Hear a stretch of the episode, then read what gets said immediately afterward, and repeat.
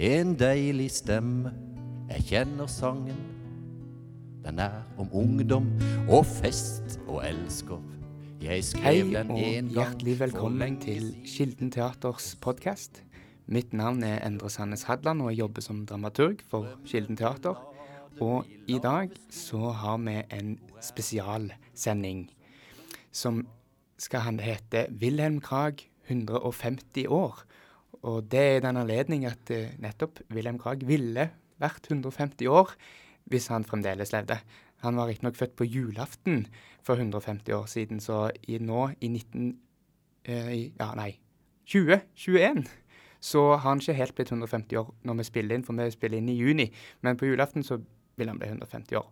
Men vi skal uansett feire Wilhelm Krag og markere han gjennom dette året med forskjellige arrangementer.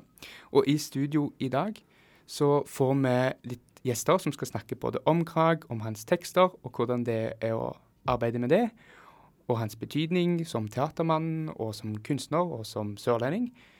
Og i tillegg litt hvordan det har blitt, blitt inspirert av han. Men før de kommer i studio, så har vi besøk av den som var en av de som var med og iverksatte denne markeringen, og det var deg, teatersjef Valborg Frøysnes. Wilhelm Krag, 150 år. Ja. Hva tenker du om det? Jo, det er jo veldig stas. Det var jo egentlig du som gjorde meg oppmerksom på det. Ja. Eller rettere sagt, gjorde meg Altså, Krag-jubileet tror jeg jeg hadde fått med meg, og Bjørneboe-jubileet i fjor. Men så var det ett jubileet som jeg ikke hadde fått med meg, som du gjorde meg oppmerksom på, og det var at Sørlandsvisa ble 100 år i fjor. Mm. Og i den forbindelse så laget vi jo To i båten, eh, som var på en måte Du hadde jo regien, og du gjorde manus, og det var jo mer en sånn hyllest til Sørlandsvisa, hvor vi hadde med Jan Erik og Anne Ma Usterød som hjalp. Eh, og Fortell litt om det. For det var jo en litt sånn spesiell opplevelse. Det, for det jeg, jo, ingen av oss er jo fra Sørlandet Nei, eller Kristiansand. nei. Du har jo røtter fra Sørlandet, fra ja, Setesdalen. ja, men der har vi jo ikke noe forhold til Wilhelm Krag, for han er jo ved kysten. Ja, han er en byas. Ja, ja, så eh, Nei, altså, det var jo egentlig sånn Ganske sånn stor opplevelse å gå inn og forstå all hans, alle hans dikt, hans viser. eh, hvilken stor eh, teatermann han også egentlig var. Han var jo sjef på Nationaltheatret. Ja. Teatersjef. Direktør òg, tror jeg. Ja, ikke sant. Og så, så Og da var det jo i at, at han, Johan Halvorsen, som var kapellmester på Nationaltheatret, var jo på ferie hos Wilhelm Krag på Dvergsøya, var det ikke det? Jo, det var det. Ja. Og der um, var, ble han så rastløs at han tonesatte 13 av Krags dikt. Ja. Og det ble på en måte starten på Sørlandsvisa, som var da 100 år siden i fjor.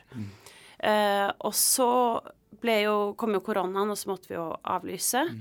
Så derfor har vi jo på en måte tatt den to i båten, og så tatt den med over inn i Krag-jubileet og fokusert mye mer på Wilhelm Krag, da.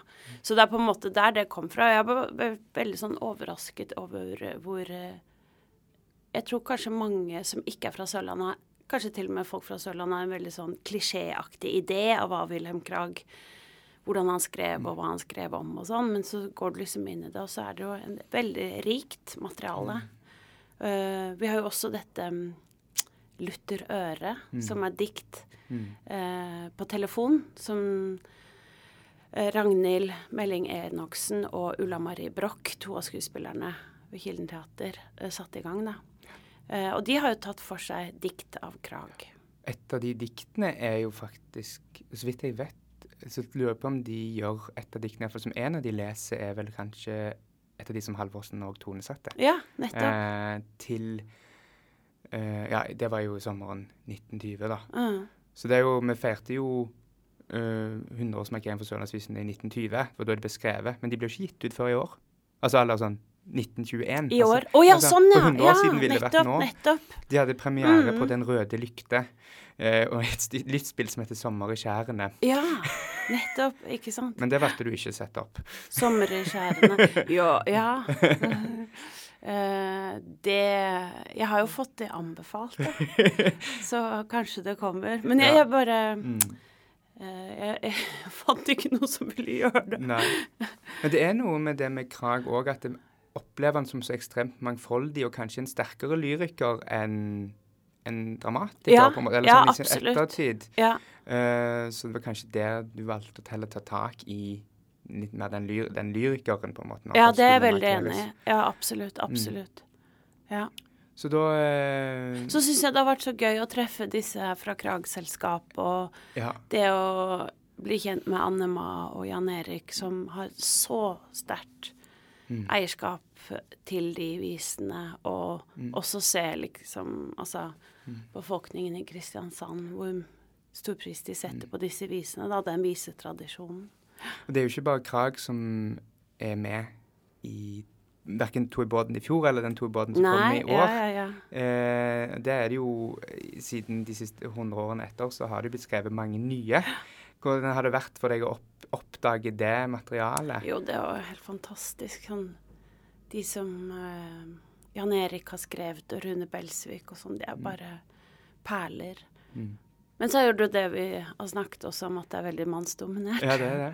Hvorfor tror du det har vært Hvorfor tror du det er sånn? Det er jo litt mannsdominert på Sørlandet. Jeg vet ikke. Kanskje. Men kan du da si Det er nok det, ja. Mhm. Ja. Men kan du da si at eh, eh, nå som to i båten kommer riktignok nok opp en Det er ikke en helt identisk forestilling som den som var Nei. i 2020. Mm. Det er jo en litt kortere, litt mer tilpasset, skal spille bl.a. på aldershjem Mm, mm. eh, i regionen. Eh, så derfor så må den nødvendigvis òg være litt enklere både scenisk og litt kortere i tid. Eh, men denne tar ikke bare for seg krag, den tar jo for seg egentlig, mye krag, men òg en del annet. Og til slutt så er det jo en liten Ja, overraskelse. overraskelse. For de som var i forestillingen i fjor, kan kanskje huske hva det var. Ikke sant? Eh, apropos menn og kvinner. Mm. Eh, for de som ikke så den i fjor, så er hjertelig velkommen tilbake. Ikke sant? Se Ja. forestillingen. Fortsatt billetter igjen. Fortsatt billetter igjen. Det er vel bare ja, Det er utsolgt i dag. I dag er premiere. Ja. Eh, men så er det en som skal være på St.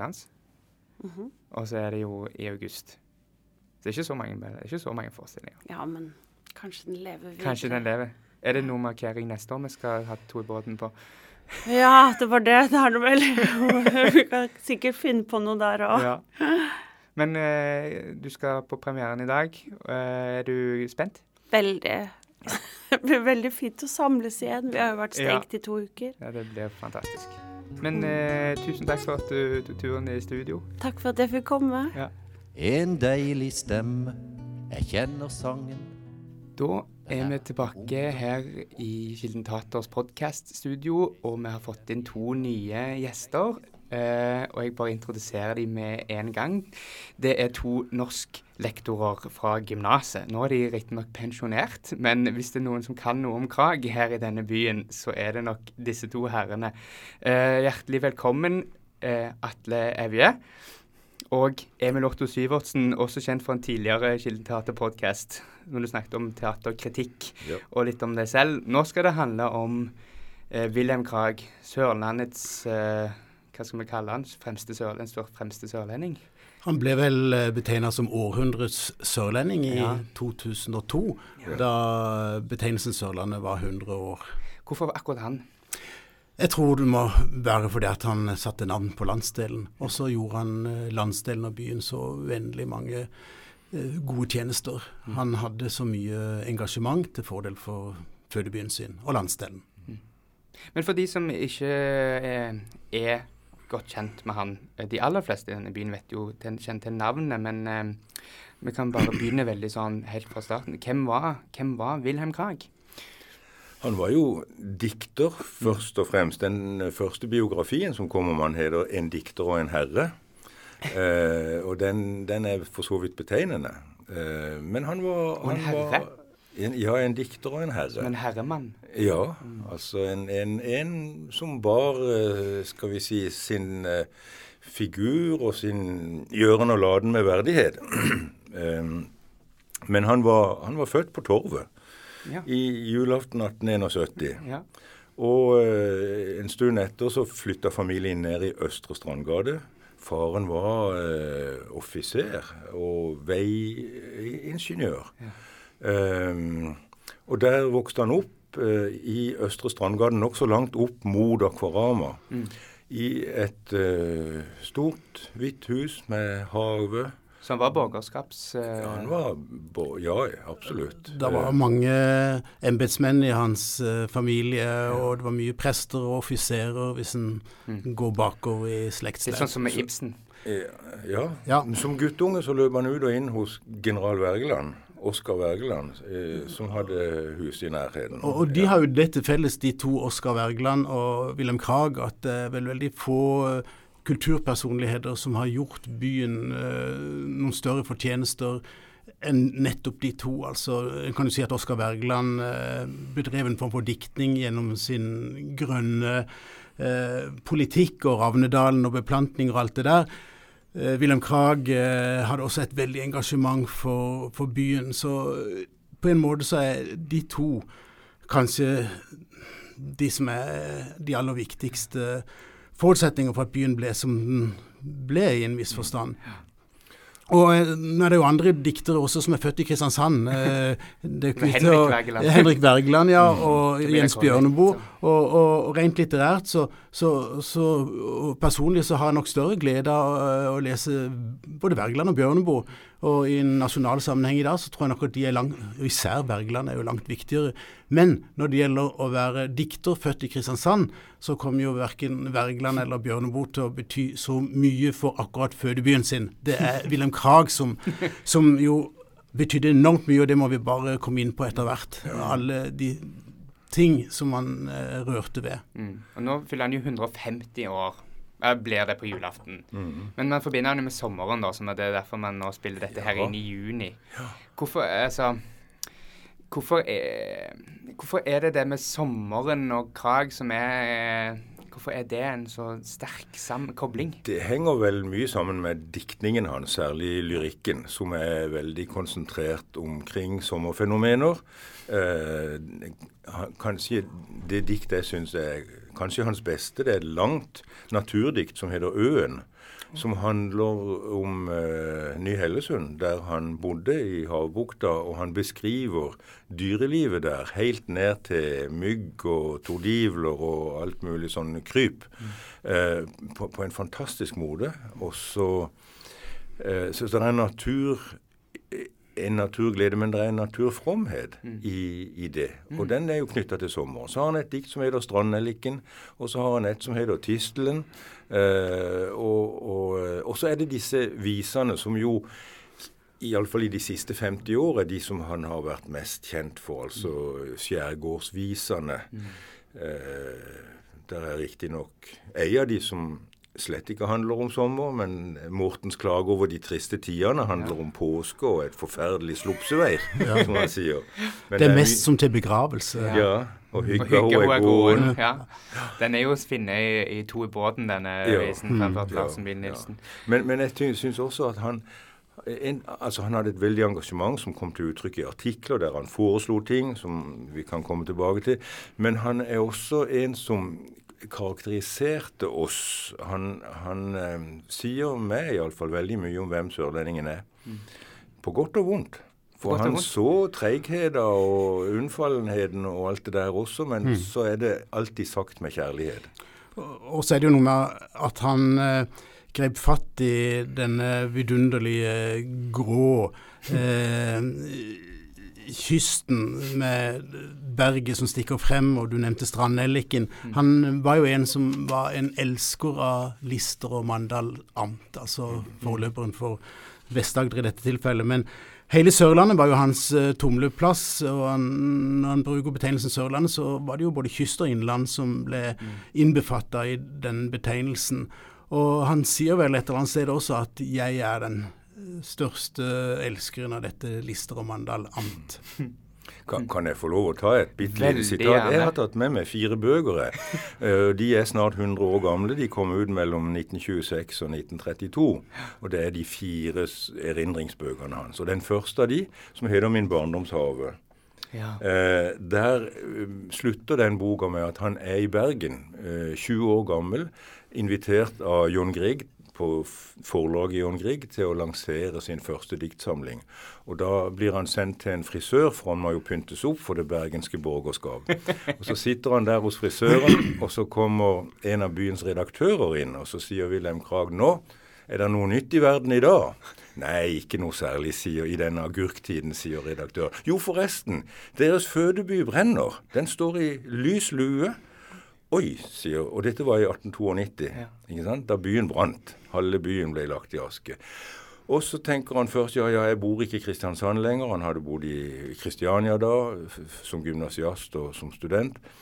Men så setter han seg på den første rutebåten han kan komme på. Og så stevner han eh, mange timer seinere inn fjorden mot Kristiansand. Og så, og så sier han eh, Heiene eh, skal vi se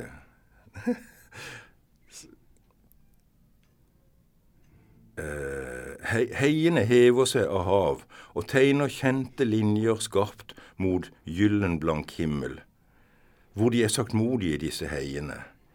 De farer ikke med storaktig patos som de kjekke, himmelhøye tinder vestpå.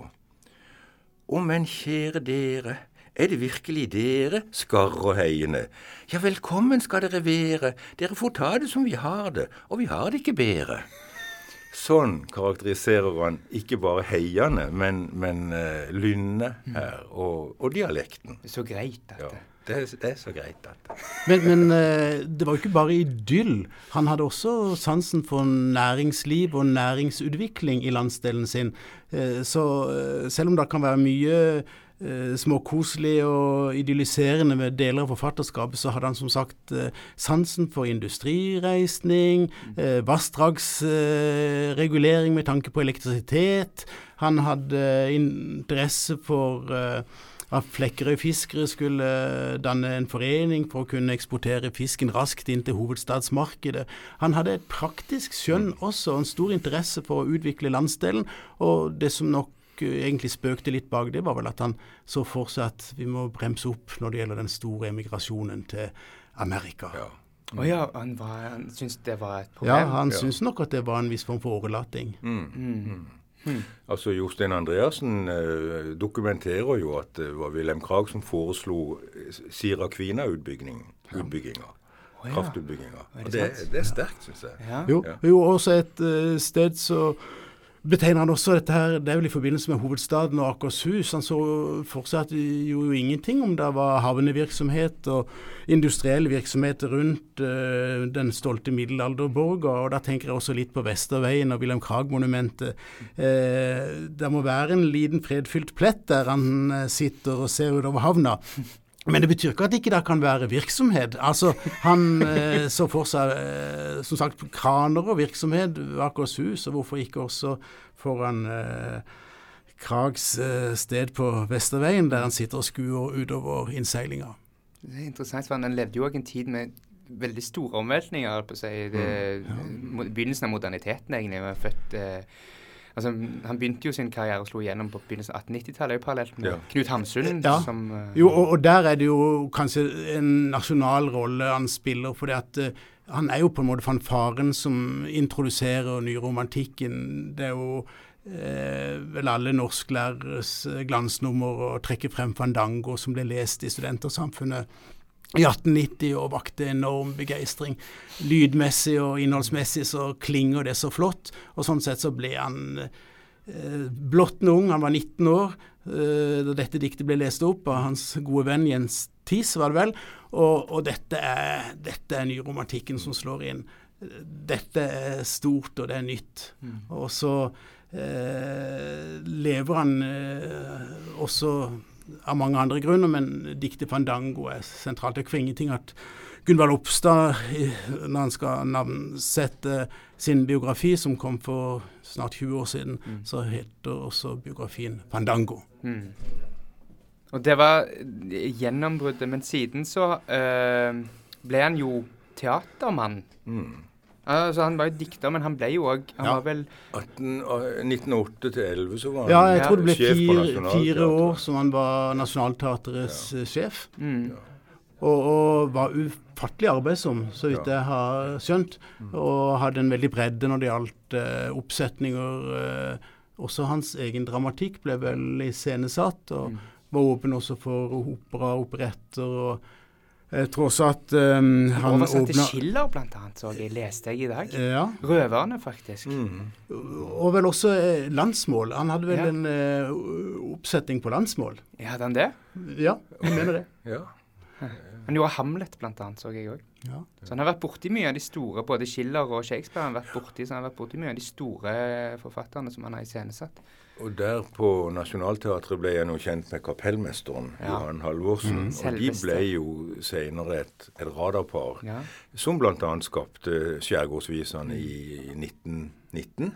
1920. 1920, ja. Det var jo med- derfor vi hadde 100-årsmarkering ja, i ja, fjor. ja, ja, ja. Eh, Men når han nå blir betegna som eh, en stor og viktig eh, person i kulturlivet i Norge, både som teatersjef og den som introduserer nyromantikken, en slags fanfare i den sammenheng, så er vel allikevel dommen i ettertid at han var en relativt eh, konservativ, tilbakeskuende skikkelse, som kanskje både teatersjef og også som konsulent. Han var jo konsulent i Aschehoug Oh, ja. hovedkonsulenten der i over 20 år. Og han hadde ikke så veldig stor interesse for, glede av, eh, Freud, psykoanalyse eh, Det han vel betegner også som bolsjevik-litteratur og den slags. Han, han, han eh, var vel litt forsiktig, men uhyre arbeidsom. Eh, Igjen Gunvald Opstad, eh, som er min kilde her. Jeg lurer på om det var 2500 manuskripter han leste gjennom i sin eh, tid som konsulent på Aschehoug.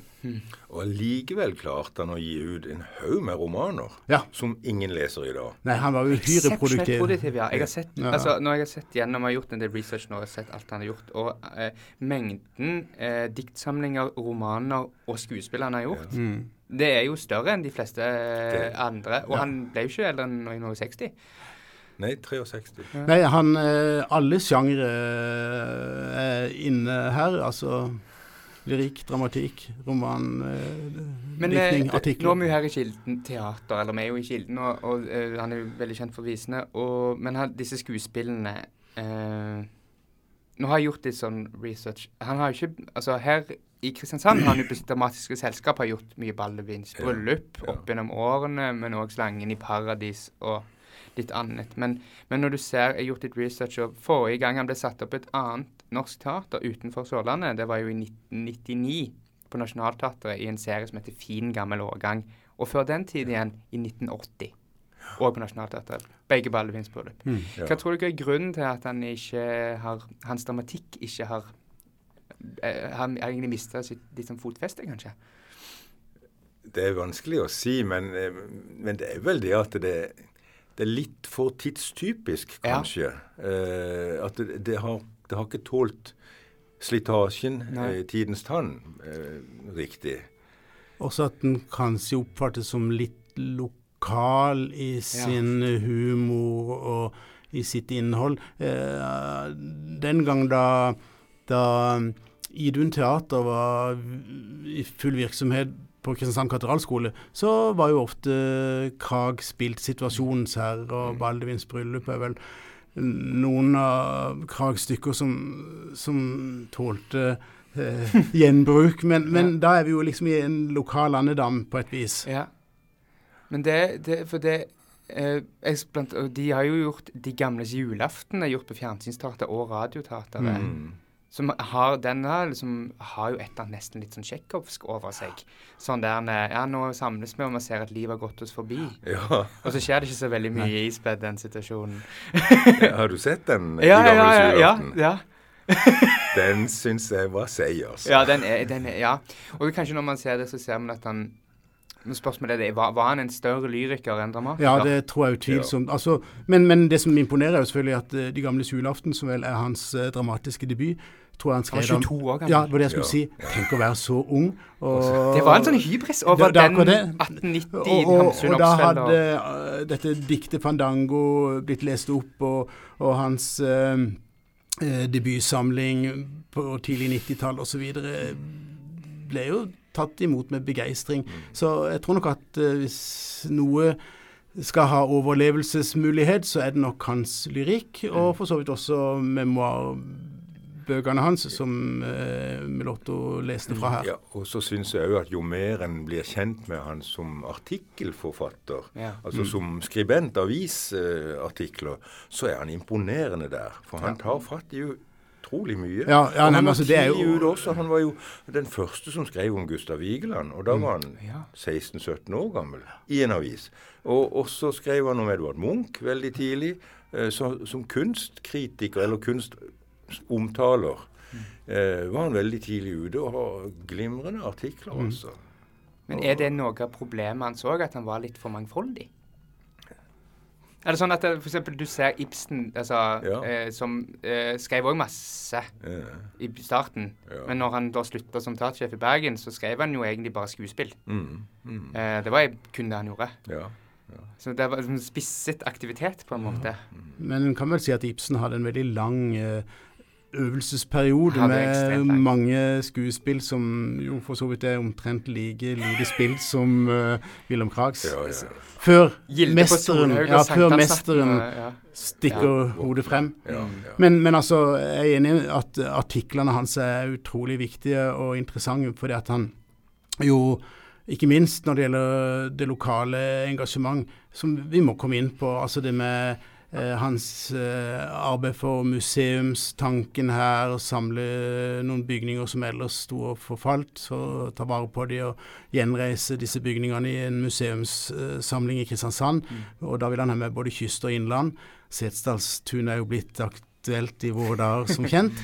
Og arkivtanken, et stiftsarkiv måtte etableres i Kristiansand, mente han. Et historielag som skulle dekke landsdelen var viktig for han.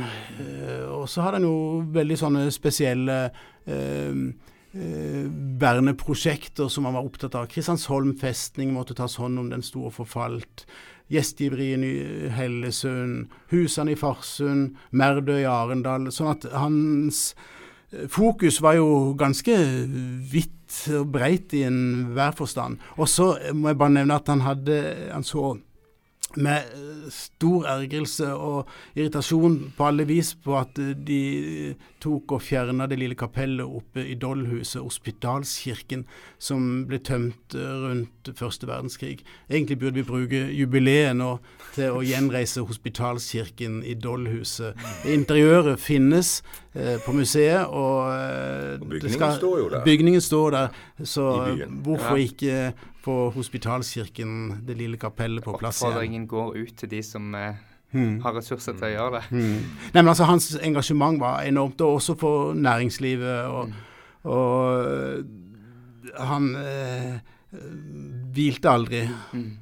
Det er jo litt fascinerende, fordi at eh, dere er jo begge medlemmer, iallfall du Emil, at du er representant for eh, selskap, William Krags selskap. Ja, du er med. Ja, du, dere er begge to, ja. Ja. ja. Men det er jo litt fascinerende at det fins faktisk Det blir opprettet et, en stiftelse, et selskap, til, til, liksom, til minne om hva, hva er formålet med Krang-selskapet? Formålet er å, å, skal vi si, holde han frem som en som betydde mye. Og dette, jeg- jeg vet ikke helt når selskapet ble, ble danna, men, men det er etter 100-årsjubileet. Ja. Begge vi to husker veldig godt 100-årsjubileet i, i 71, selv om vi vel var nesten flytta til Oslo da, som studenter. Ja, ikke bare nesten, vi var Nei, i full gang. Ja, i full gang. Ja, ja. Og Vi- samle på grunnfag og mellomfag. Og Ja, leste ja. Fandango på Studentersamfunnet. Ja, ja. Men, men eh, det var en god del arrangementer her da. Og så skjedde vel det i, på, på 90-tallet. Så, så ble det gjort av ildsjeler et forarbeid mot eh, dette som ble kalt Sørlandet i 100 i 2002, da det var 100 år siden Wilhelm Krag lanserte det navnet. Og da ble det stilt til rådighet ganske mye penger fra eh, næringsliv. Eh, og det var Krag-dager flere år før dette i 2002. Altså i 96, 97, 98. Og det var vel Det er det Wilhelm Krag-selskapet som står for. Så det ble nok danna på 90-tallet. Og, og, målet har vært å, å ja, for det, han, han, må ikke gå i glemmeboka. Eh, og, er dere redd for det? Og så har vi nye generasjoner som på en måte slutter å synge. Ja. Eh, når, vi satt jo på bryggekanter med gitar og sånn og sånn, og, og sang kragviser. Jo, og så kjente vi jo eh, bysangen vår, altså. Og så driver vi på Vesterveien, for det finnes ikke noe sted ja. her i verden som Vesterveien. Så når kvelden og sol går ned. Og, og det, det, må jeg bare nevne, altså Gunvald Lopstad, biografen uh, Gunvald Lopstad, han uh, nevner en utrolig vakker episode fra 1929, tror jeg det var. Da er altså Wilhelm Krag tilbake igjen i Kristiansand. Han eh, skal ha legebehandling, men han sitter på selveste 17. mai på Ernst hotell i foajeen og sitter alene. Og så strømmer plutselig på denne 17. mai eh, Rødrussen fra Kristiansand katedralskole, hans gamle skole, inn. Og så ser de forfatteren, den gamle Iduns sønn, den som har skrevet bysangen i forbindelse med Iduns 50-årsjubileum i 1916. Så ser de den gamle mann sitte der og så spontant så synger de bysangen. Og da betyr jo det at disse unge de kan bysangen. De gjenkjenner Wilhelm mm. Krag. De er takknemlige, og det er som enn også Wilhelm Krag der han sitter. Det sies da mot slutten av den lille episoden her han måtte tørke sine briller. Mm. Mm. Men det er fascinerende det eh, dere snakker om at det er litt redd for at han skal gå i glemmeboken. og det er egentlig sånn todelt spørsmål, dette her. For det vil jeg begynne sånn, Dere nevnte at dere satt der med gitar og spilte disse mm. visene. Altså, Hvordan var det dere oppdaga Krag som det er kanskje to helt forskjellige historier? på det? Nei, de er nokså parallelle. Vi kjente hverandre eh, sånn fra gymnasår. Og, og, vi har nok vært på mange av de samme uh, bryggekantseansene uh, uh, og, og, møttes både her og der. Så så jeg tror bare at det var en begeistring som vi fant eh, at Wilhelm Krag Altså, vi hadde en begeistring for landsdelen og opplevelsen og sommernatta og det hele. Og så fant vi at Wilhelm Krag han kanaliserte så mye av det som vi syntes var fint med, med mm. sommeren og sol og Sørlandet, for å bruke en klisjé. Ja. Og så er dette, eh, dette slutten av 60-tallet, begynnelsen av 70-tallet, da visebølgen skylte over landet. Ja. Og Visens Venner, den foreningen i, som egentlig hørte hjemme i Oslo, der var jo eh, NRK Sørlandets Julius Haugen sentral. Kåre Siem, som hadde hytte vel i Brekkestø, eller noe sånt. Altså det var mange av disse, ja, mange av disse sentrale uh, visefolka, eh, både av den eldre generasjonen den gangen, men også de unge. Så da kom jo Lillebjørn og, og Jo, også brødreparet Bøksle. Og så kom Ivar og Eivind Bøksle og tok fatt i nettopp Wilhelm Krags viser. og gjorde det stort. Uh, med, først med, med trekkspill og mm. gitar og sånn, men så med Kringkastingsorkesteret, og senere med Symfoniorkesteret her i Kristiansand. Har da, her har jeg den innspillingen av Ivar og Eivind Bøksle. Skjærgårdsviser. Ja. Ja. Alle tonesatte Halvorsen i eh, sommeren 1920 på Dvergsøya. Ja, ja. Og de skal jo nå fremføres her i Kilden de skal det. i august. August så skal alle gjøres. Fantastisk mm, mm. symfoniorkester i full mm. sving. Men uh, når det gjelder det med å tonesette Wilhelm Krag, så er jo det nesten eventyrlig. For uh, kilden min her, det er uh, en Heide Sørensen som uh, har skrevet ja. om uh, Wilhelm Krag og musikken. Ja. ja. og det er ufattelig mange komponister som har tonesatt Wilhelm Krag. Jeg tror 89. kanskje at det bare er av, av poeter, så, så, er det kanskje bare Bjørnson som har fått flere til 89 diktere. Ja, 89 diktere, og, og, det er over 300 melodier. Uh, og bare det ene lille diktet, 'Der skrek en fugl', som jo er en stor metafor, egentlig, er det elleve komponister som har uh, satt mm. melodi til. Mm. Så, så, altså denne uh, nærmest Tror det er tolv nå, for jeg så en forestilling okay, i fjor så, hvor det ble Så det er nærmest et kappløp da om å tonesette William Krag. Så han, han, har hatt en veldig appell. Og, og dermed også sies uh, hans venn fra og, Skolekamerat Sigurd Lie var jo også blant de som tonesatte Wilhelm Krag. Og en av Griegs aller flotteste romanser og 'Jeg vil ha meg en hjertens kjær', den, den er bare helt knall, altså. Det, Den er så fin. Men det er jo for Grieg altså man, man, Det var jo en sånn lengre diskusjon når vi gjorde To i båten i fjor, det egentlig. For det var jo eh, folk fra Kragselskapet som gjorde oss oppmerksom på at Sørlandsvisen den er 100 år i 1920. Uh, det var just, altså, flere som sa. Uh, men så ble det plutselig en diskusjon. da. Nei, men For Grieg, han uh, blant annet 'Mens vi venter', den var skrevet før. Mm. Komponert musikk til før, og bla, bla, bla. Men da, da ble det en sånn Ja, ja, men ja, men det var 1920, det var det Halvorsen. For det var da, han, da hadde, det var da Sørlandet hadde oppstått som begrep. Fordi det var på slutten av 1800-tallet, altså 1890-tallet, at Grieg gjorde 'Mens venter', tror jeg det var. Eh, eller et eller annet. Men uansett, den ble ikke definert som sørlandsvise. Nei, nei, men de er ikke det. Nei, de er Nei, ikke de det. er nyromantisk diktning. Ja, Ja. du, du kan stå for det? Ja, ja, ja. For, ja og, og tonefallet er også Jeg mener, jo, Johan Halvorsen han er jo en eh, holdt på å si, litt underkjent komponist, for han, han er egentlig veldig stor. Han har gjort tre symfonier, eh, og, og eh, en av de er gjort ut på Dvergsøya. Mm.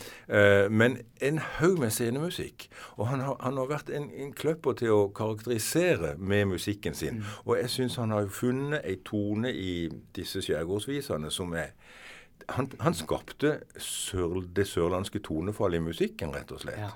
Det, du kan ikke si det om Sigurd Lie, for Sigurd Lie representerer jo Leipzig-tradisjonen og det samme som Grieg gjorde Ja. og alt det der. Det, det, det, det er liksom noe det klassiske på en Ja. måte, og så, og så kommer Halvorsen med disse som er utrolig folkelige. Ja, det er liksom. Som tekstene er også.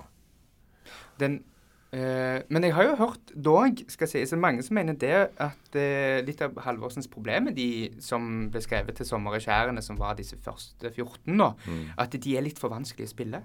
De er gysla vanskelig å spille Altså det, på er så, piano. det er liksom sånn eh, brifing, og det sånn nerdete, sånn han skal ha bare masse vanskelige akkorder hele tiden. Det fortelles at han fikser ikke det helt sjøl. Nei, eh, de, de skulle ha en huskonsert, og, og, og dattera var sangerinne, og hun skulle synge noen av disse. Og da snubla han fælt i tangenten, gamle Johan Halvorsen. Men eh, ja. Nei, men de, de er, For en pianist er det ikke noe. men eh, Jeg har i all beskjedenhet prøvd meg litt, men jeg, jeg, jeg syns det er fryktelig vanskelig. Ja. Vi skal, det har jo Nå i den anledningen så er det Wilhelm Krag 150 år, så skal det være en hel del arrangementer. og Først ut i dag er det premiere, nypremiere på To i båten, som var egentlig en markering for Høstålandsvisa i fjor. eh, men som, ble tatt av plakaten pga. korona. Så kom opp i en litt kortere versjon i år. Og da er egentlig Dere nevner Sørlandsvisen og lyrikken som viktig. og ehm, Hvilken betydning har disse sørlandsvisene i dag? Altså disse som Krag gjorde? De har vel bare betydning hvis vi, hvis vi fortsetter å synge de. Ja. Hvis ikke vi gjør det, så, så mister vi de. Du nevnte at folk ikke synger lenger. Er det noe som bekymrer dere? Ja, jeg, jeg syns øh, Altså, folk går med musikk på ørene hele tida. Men jeg, jeg, nå, vi- nå har ikke jeg vært i et eh, klasserom i barneskolen på mange år, holdt jeg på å si, men jeg, jeg tror at de synger mindre enn man gjorde før. Og hele den der eh, det vi kaller den nasjonale skolesangarven med mellom bakker og berg og mm. brøyte seg rydning, Wilhelm Krag for, for øvrig, uh, det, tror jeg er i ferd med å dø ut. Og vi ser det jo også på mengden av kor. Der er altså eh, Barnekor og ungdomskor har hatt en betydelig tilbakegang i denne byen de siste 20 årene. Så det, det syns jeg er litt bekymringsfullt. For jeg tror det er sunt å synge. Men det blir jo ganske mye musikk i løpet av denne feiringen dette året med tanke på Wilhelm Krag. Eh, Det blir en konsert i Kristiansand domkirke, det skal være konsert i Kilden, det skal være konsert i klubben, det skal musiseres og spilles. eh, På skoleskipet Sørlandet? Det er også både her og der. Så, så ganske mange av de eh, programposter som er under planlegging, de eh, har med Krag og musikkskatten der å gjøre. Kilden har jo også utfordra et knippe unge komponister til å lage nye, ny musikk til Så Krag-tekster. blir det mye flere enn 89 eh, diktere. Det er blir en nærmere oss 100. kjempeboom. Det Ja. er Ja. veldig spennende. Mm. det. Nå er han vel kanskje den mest det, nå, nå, nå, nå tar han førsteplassen som mest eh, At han trumfer Bjørnson? Ja, det kan godt være. Man vet ikke. Um, og blant disse arrangementene òg, så er jo dere litt primus motor for et uh, litteraturarrangement som skal være i er det august det er? I august? Ja. ja, ja Siste to dagene av august og første dagen i september ja. skal vi ha har vi vært så heldige å få lov å slippe til i Kilden, ja. eh, i multisalen. Og vi inviterer 1200 skoleelever fra eh, videregående andre trinn til å komme og møte et program med noen sanger fra To i boden med de samme artistene. Eh, og eh, Olav Grenstad skal være han skal spille Krag, og han skal være konferansier og lese fremfor en del tekster. Og så får vi besøk av en ung dikter som heter Alexander Kielland Krag. Eh, og navnet, rø navnet, røper jo en viss mhm. familietilknytning til både, både vår dikter og Stavangers dikter. Mm. Eh, det kan du si litt om? Han. Ja, eh, han eh, debuterte eh, i fjor med en eh, roman, og kommer med en ny roman nå i august. Eh, og en ung forfatter, en ung forfatterrøst, som det skal bli veldig interessant å lytte til. Han skal lese litt fra sitt forfatterskap, fortelle litt om sitt forfatterskap, men også, og det er jo litt av begrunnelsen for å invitere han inn i dette arrangementet her, som eh, da strekker seg over tre dager, Eh, det er at han skal også fortelle om sin arv, sin litterære arv som han bærer på. Han er altså tipoldebarn til Alexander Kielland og oldebarn til Wilhelm Krag. Mm. Han har en arv å leve opp til. Ja da, og et forpliktende navn. Alexander Kielland Krag. Du går ikke rundt med det navnet uten at det er en god grunn for det. Det høres nesten litt ut som at det ikke er ekte. At det liksom er tatt som kunstnernavn. ja. ja, nei, det er flott. Det er flott. ja. Mm. Jeg tenkte vi begynner kan runde av. Uh, tusen takk for å komme i studio. Noe, har dere noen avsluttende viseord? Ja, jeg, jeg, hadde bare lyst til å nevne også at uh, eh, 20.10 så er det et fint samarbeid mellom Agder Historielag og mm. Krag-selskapet. For da uh, skal vi ha en paneldebatt. Uh, den legges til håndverkeren mm. i Kristiansand. og det er da rett og slett hva gjør vi tema for den paneldebatten? Det er hvordan ivaretar vi Kragerven i Kristiansand. Vi har eh, spilt på mm, bysangen og, og, dette her, som jo er lett å spille på, at, eh, og det har andre gjort før oss, men altså eh, også driter vi i Vesterveien. Så eh, vi har store forventninger til denne paneldebatten, og der er viktige etater på plass. altså Både veimyndigheter og parketat og byantikvar og, og, entusiaster når det gjelder Krag, og mange gode krefter i sving. Så den eh, kvelden der 20. oktober blir viktig. Mm. Og så eh, slutter jo hele jubileet på julaften ja. eh, klokka tolv ute på Vesterveien ved Kragstatuen. Der blir det lagt ned en krans. Mm. Og så skal vi da i dette skolearrangementet i august lansere en essaykonkurranse, eller en stilkonkurranse, der vi inviterer de unge til å skrive. Vi har laga noen oppgaver. Eh, og det setter vi da en frist på at de må levere inn sånn og sånn. Og så har vi premier. Vi har 10 000 kroner i premie til, til sammen.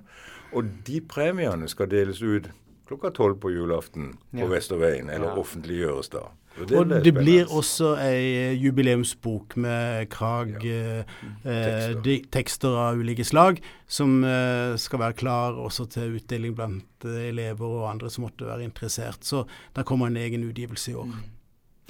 Det er fascinerende. Det er masse planer, og det er nå er han 150 år. Og da er jo spørsmålet som leder meg, og det snakker veldig om å bevare den arven. altså Blir det et 200-årsjubileum, tror dere?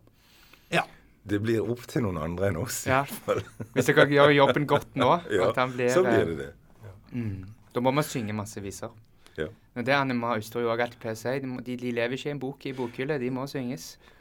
Og så må han være synlig i bybildet på et eller annet vis. Altså eh, om det er gater eller plasser eller eh, om, på hvilken måte dette skal mm. se på. Men han må være til stede i bybildet. Ja. Vi har ei Krags gate, men det er ikke Wilhelm Krags gate. Det er farens. ja, ja da. På Grim er det eh, Krags vei. Krags vei, Ja, ja, Det lå og- en sterk oppfordring eh, at det bør gjøres noe med. Ja. Jo, nemlig altså Hans eh, ingeniøroffisersfar var jo veldig kjent for sine veitraseer, og han det, det var jo eh, langt Altså en gang i tida så var det jo sånn at eh, det var farens berømmelse som var liksom det store her, eh, og ikke sønnens, en periode i hvert fall. Nå, nå er vel sønnen i ferd med å erobre en plass, Ja. får vi håpe.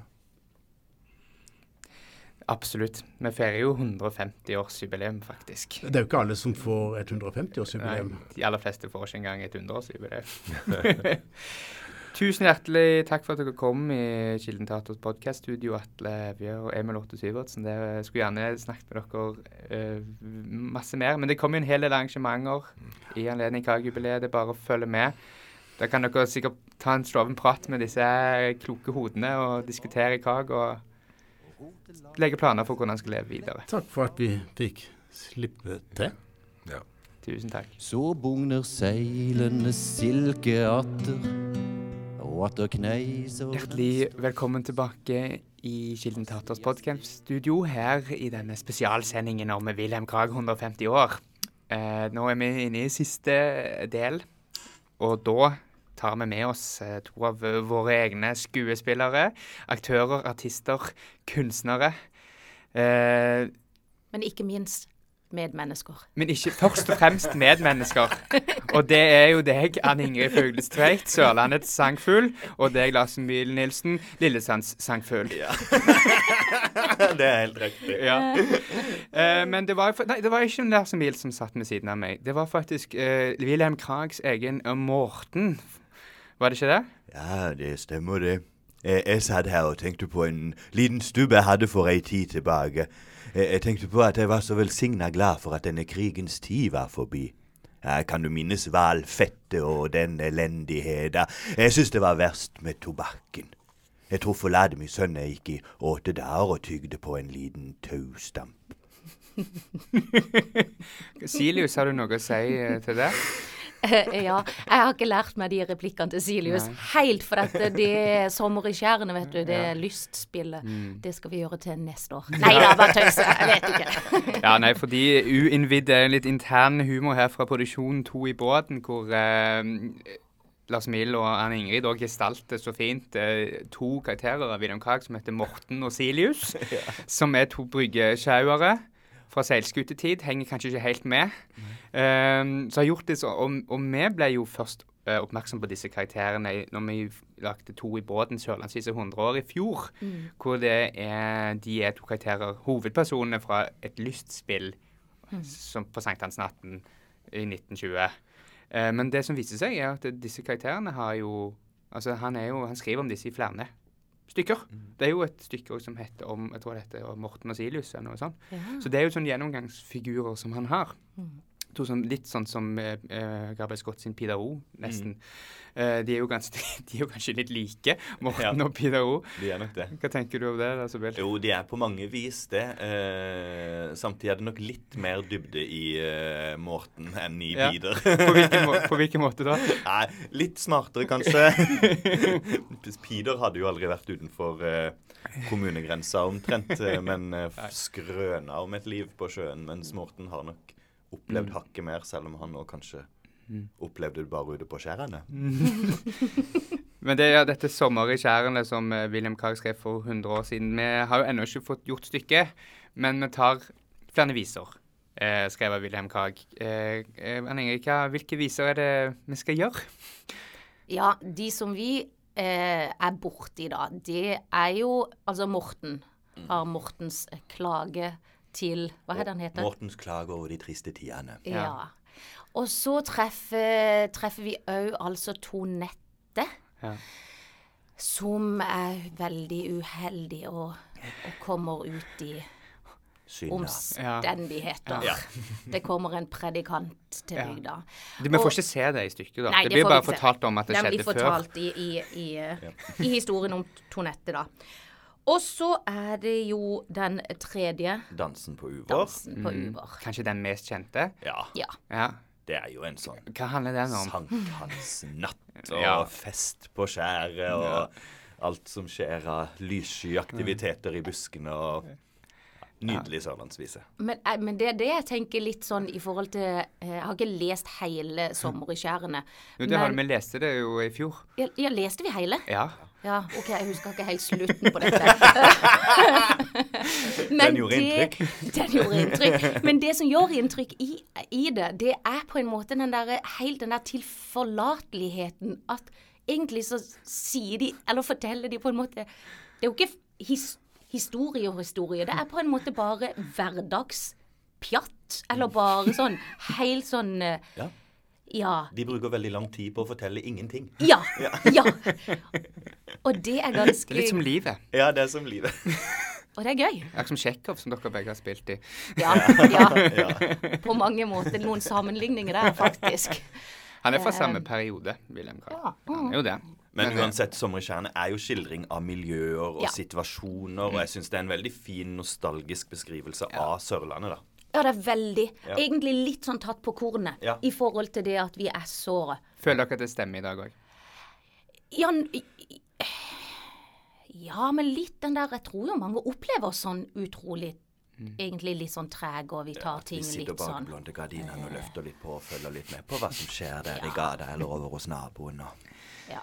Jeg leste en sånn lærende kommentar av um, eh, om Det var en kommentar om 'Sommer i skjærene', eller om det var 'Dansen på uvår', som ble liksom analysert på en måte at det var nesten ingenting som eh, karakteriserte den sørlandske folkesjela mer enn at de har kaffekjele og brennevin. Men det har de gjemt i et fiskeskrin. Ja. Ja. ja, ja, ja. Som de Ikke synger sant? på 'Dansen på uvår'. De, de sier det, men litt forsiktig. Hold det gjemt. Og det er jo litt den der dobbeltmoralens eh, greie. Det er litt Ja. gøy. Ja. Men, men det òg jeg syns er fint, og det sa jo, sa jo i To i båten i forestillinga i fjor, da, men det er ikke det. Men jeg har jo Jeg hadde ikke vært på Uvår, og så plutselig var jeg på Uvår. Eh, på, på øya. Og da er det liksom sånn Det er jo litt eh, koselig å kunne disse sangene. Eh, og ha mer kjennskap til, til miljøet rundt, da. Så Ja, for- for, meg så er det liksom sånn Oi, dette er jo litt For du kunne ikke William Krags-visene fra før? Nei, jeg hadde hørt dansen på Uvår, Mm. men jeg hadde på en måte aldri egentlig, tror jeg, sunget noe med. Og de mange av de Kristiansand-sørlandsvisene er på en måte noe som jeg bare har hørt opp igjennom, men jeg har aldri egentlig sunget de Mm. så mye sjøl. Jeg har sunget mer viser vestover. Mm. I Man, altså Mandals sørlandsviser og litt sånne ting har jeg gjort. Mm. Du da, Lasse Bill? Du, jeg har eh, ja, litt variert eh, utvalg. Jeg har jo eh, ja, produsert og spilt uh, Pidero-forestillinger, og der har jeg brukt sørlandsvisene litt for å ja, forankre det sørlandsk, men også for å underbygge noen, noen tekster. da, Så jeg har vært borti flere av de før, men jeg har ikke spesifikt vært innom Krag før vi begynte å jobbe med det her. da. Nei. Så det var jo i fjor, eller det var faktisk i 2019, at uh, disse eh, Wilhelm Krag-selskapet tok kontakt med oss og gjorde oss oppmerksom på dette 100-årsjubileet til Krag, som skulle være i 2020, og Wilhelm Krags Nei, Sørlandsvisen i 2020 og Wilhelm Krags jubileum i 2021, 150, hvor vi tenkte at vi måtte gjøre noe på det. Og da var jo du, Anne Inge, fort ute at hvis du skulle holde på med noe i Krag, så måtte du ha med eh, de- mor og far, som vi kaller de.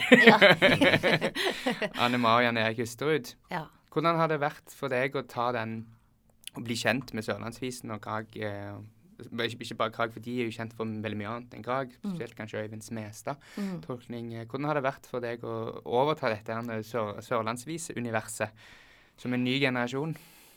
Ja, eh, men det var det er riktig det du sier med at når, når det ble spørsmål om å gjøre sørlandsviser og sånn, så kjente jeg på meg at Å, guri malla. Da, da, da vil jeg ha eksperthjelp.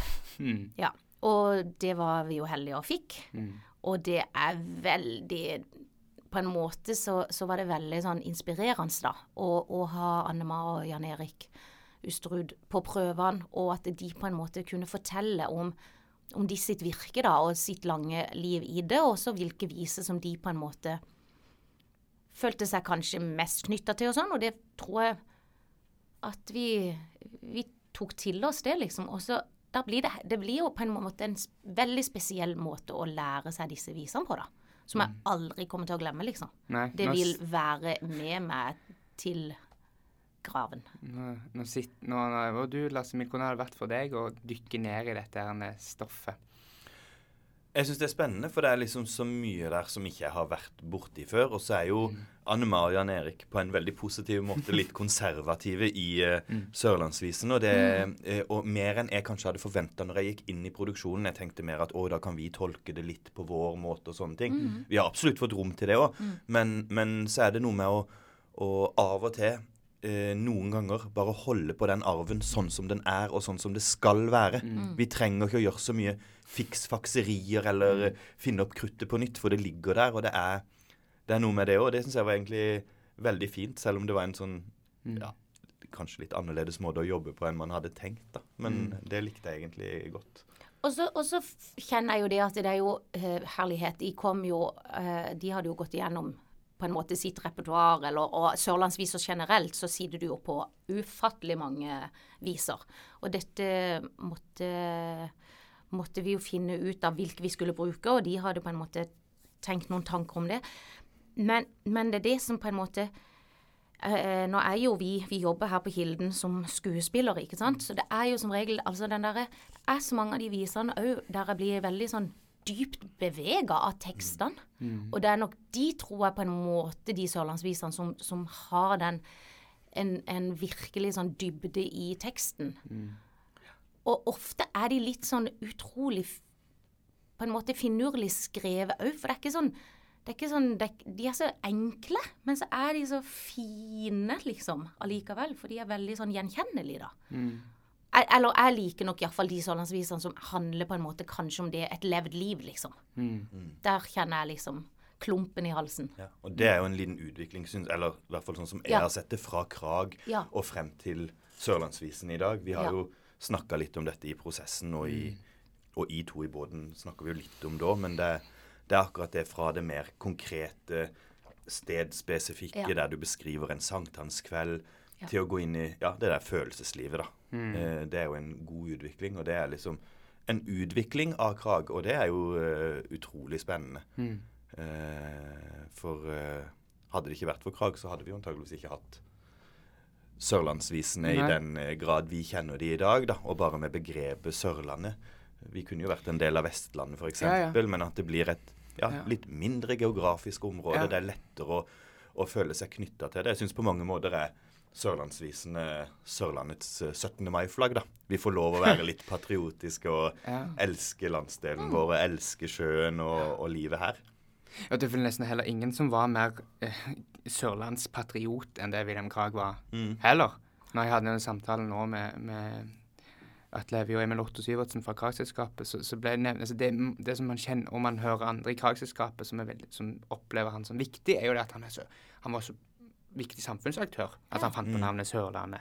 Og alt han skriver om nesten, iallfall mot slutten av karrieren, er nesten fra Sørlandet. Han redigerte til med sine tidligere verk, sånn 'Ballevins bryllup', ble jo- fant jo sted på et sted på Vestlandet, det heter originalt, mm. og så bytter han det i en redigert utgave til Sørlandet.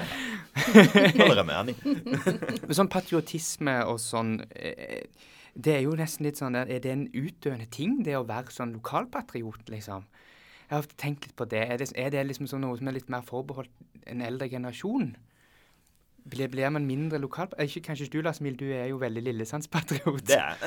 Men jeg opplever i mitt miljø og i Ja. min krets da, at, eh, at, det, at de mer nære verdiene da, tar større og større plass. Ja. Eh, fra når jeg var ungdom og alle skulle ut i verden, ikke sant? studere i England, Australia, overalt. Men så nå, nå kommer de hjem igjen. For det, det er himla greit på Sørlandet, og himla greit i Lillesand òg. Eh, og da har man litt den derre Ja, lokalfølelsen, da. Eh, som jeg, jeg tror ikke den er udønn, Altså. Jeg tror Nei. man har respekt for stedet sitt. Og, og selvfølgelig ønsker man utvikling og, og sette sitt preg på, på samtida. Men, men jeg tror eh, sørlandsvisene kommer til å leve. Ja. Men da må vi synge de, må vi ikke det? Ja. Jo, og det som Anne-Ma sier Hva sier hun? Ja, hun sier at sørlandsvisa lever ikke i ei bok i ei bokhylle. Nei. Nei, den må synges. Mm, den må synges. Ja.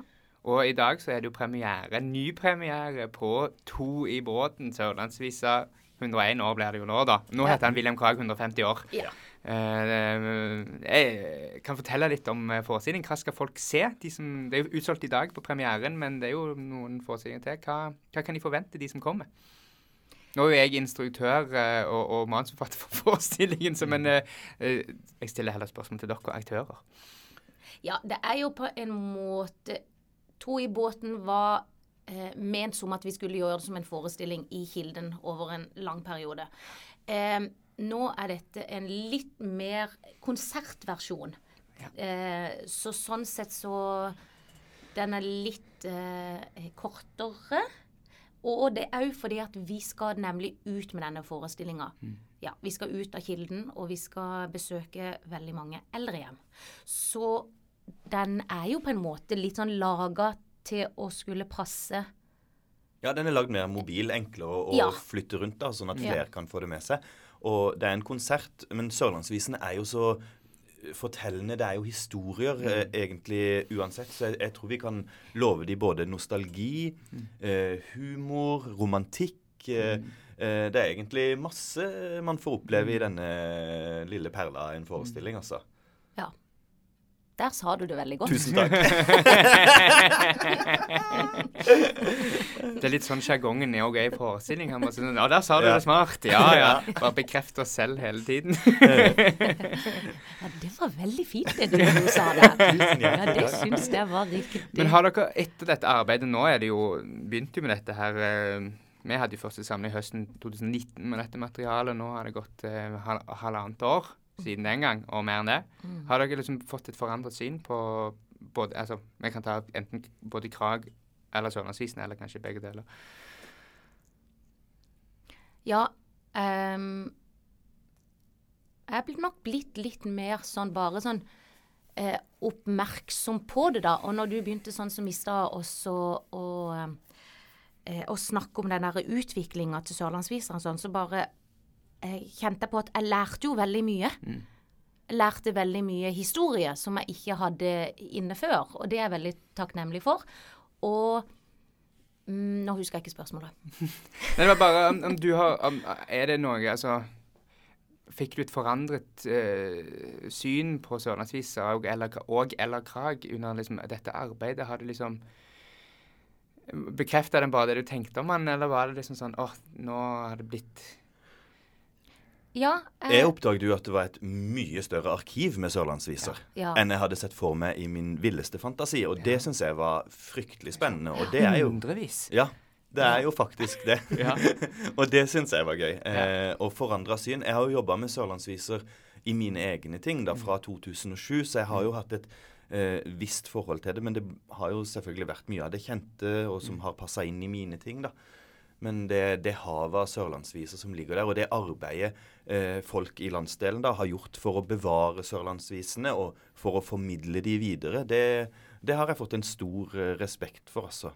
Sånn som Ivar og Eivind Bøksle, snakka mm. om Smestad i stad, Anne Ma og Jan Erik Usterud.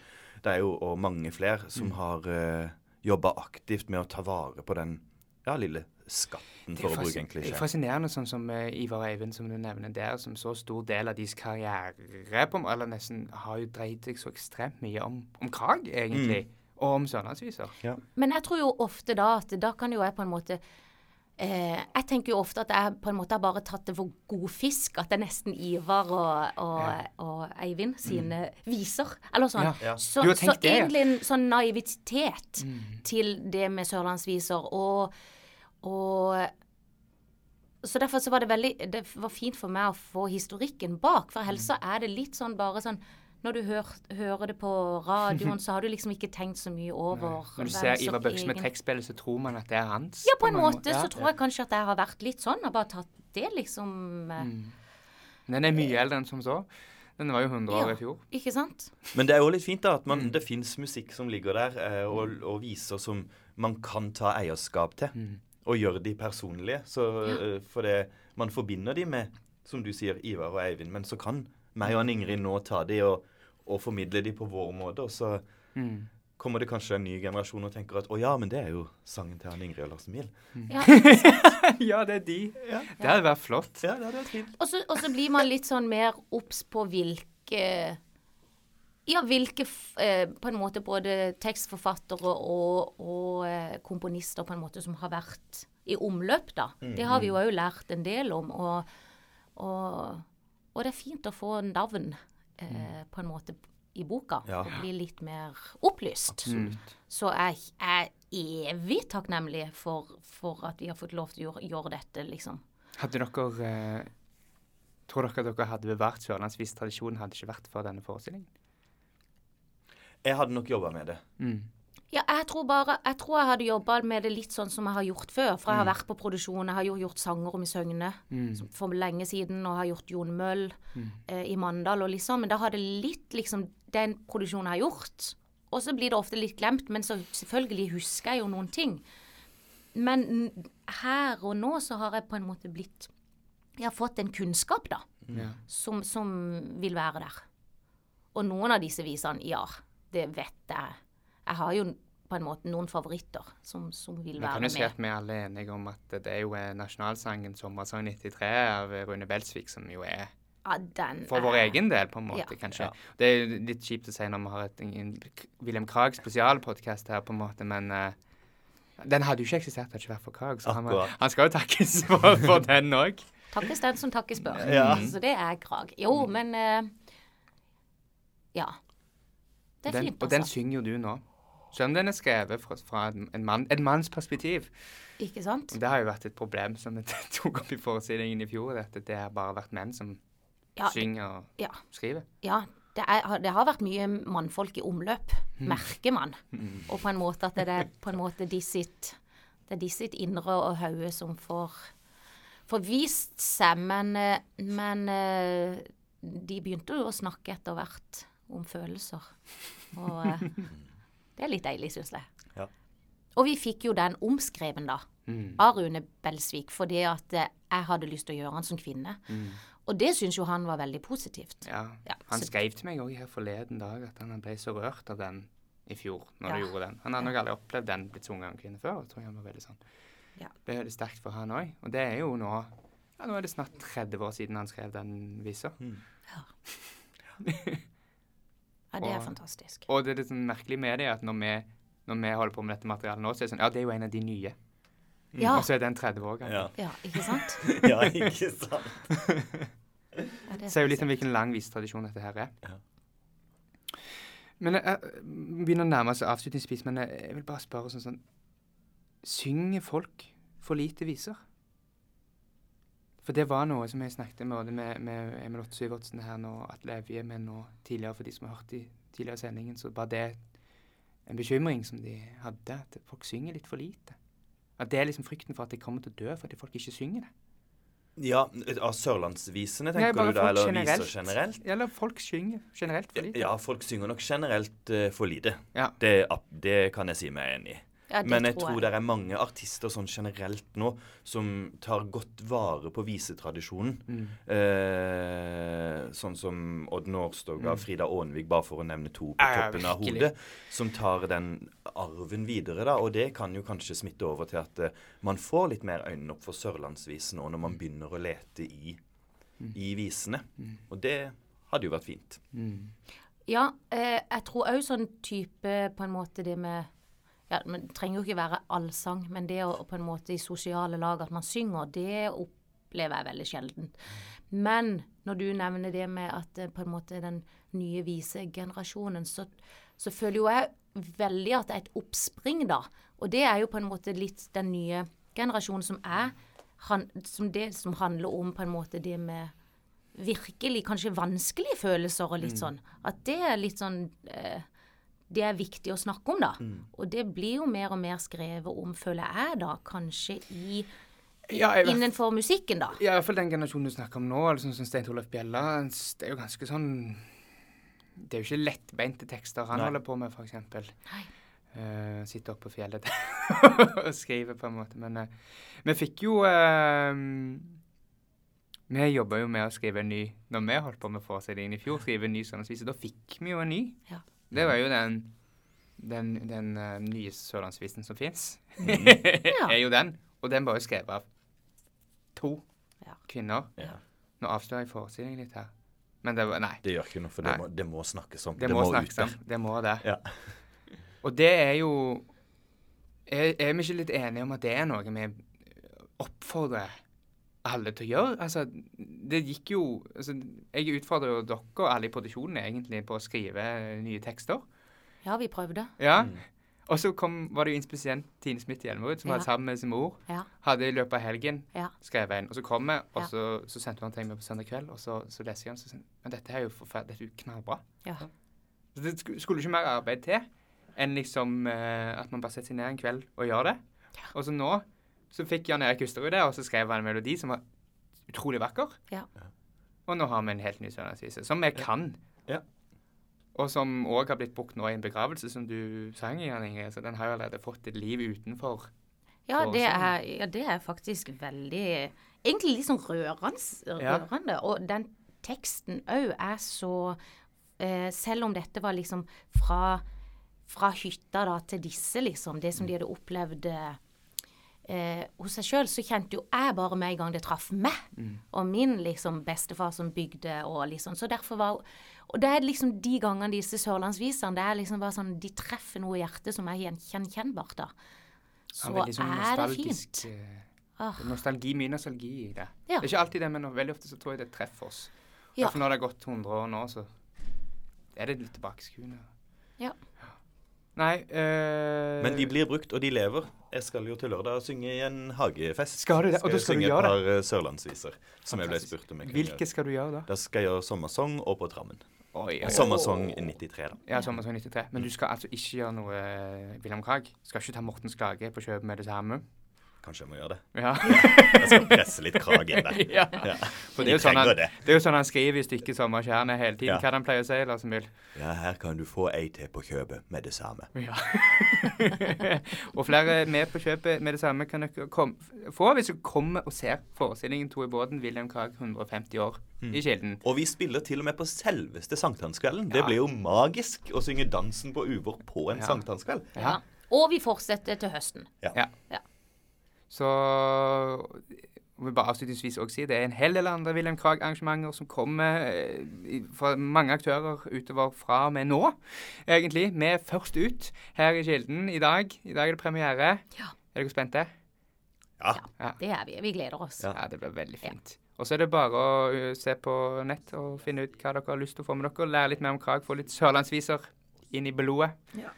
Så ønsker vi dere velkommen til Kilden. Takk for at dere kom, Lars Emil og Ingrid. Eller Morten og Silus, som dere òg heter. Takk. Takk selv. Jeg vandrer opp av den mosgrå stenvei. Hvor veien slutter, begynner lyngen. Og her gror brisken, her dufter porsen. Her hører jeg til, og her har jeg hjem.